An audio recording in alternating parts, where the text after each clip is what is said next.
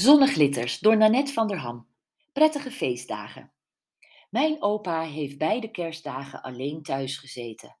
Ik dacht dat een van zijn twee dochters wel naar hem hadden omgekeken, maar nee.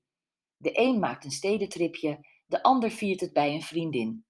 Ik was met mijn kinderen bij Gerard, mijn nieuwe vriend. Volledig in beslag genomen door de vraag of het zou klikken tussen hen. Niet eens aan opa gedacht.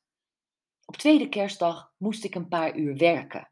Ik heb een hoop jonge collega's waarvan ik verwacht dat ze wilde feesten afstropen en vrienden bij de vleet hebben.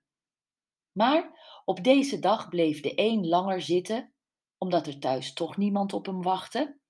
Een ander ging langs de fastfoodketen en met zijn hamburger voor de buis. En een van de populairste meisjes ging naar een verjaardag van een tante, omdat ze niet alleen thuis wilde zijn. Ze liepen allemaal met hun ziel onder hun arm.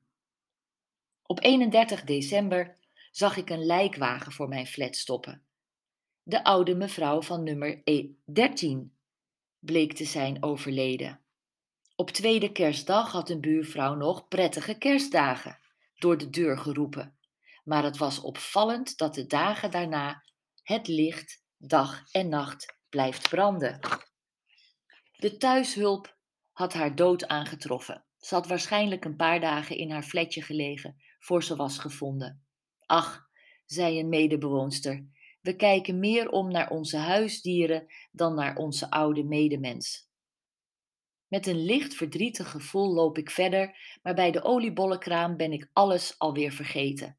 Er staat een lange rij wachtende en een paar bekenden, dus kwebbel ik er lustig op los.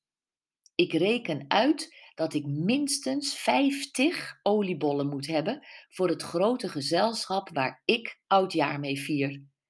Dan zie ik de buurvrouw uit mijn oude straat afrekenen. Ze is dit jaar op haar 60-jarige leeftijd plotseling weduwe geworden en ik realiseer me dat ik ben vergeten een kaartje in haar brievenbus te doen. Laat staan dat ik haar heb gebeld of ben langsgegaan. Wat is ze in korte tijd oud geworden? Ze loopt krom en haar haren zijn grijs. Ze trekt haar hondje mee en ik zie het zakje in haar hand. Er zitten twee oliebollen in.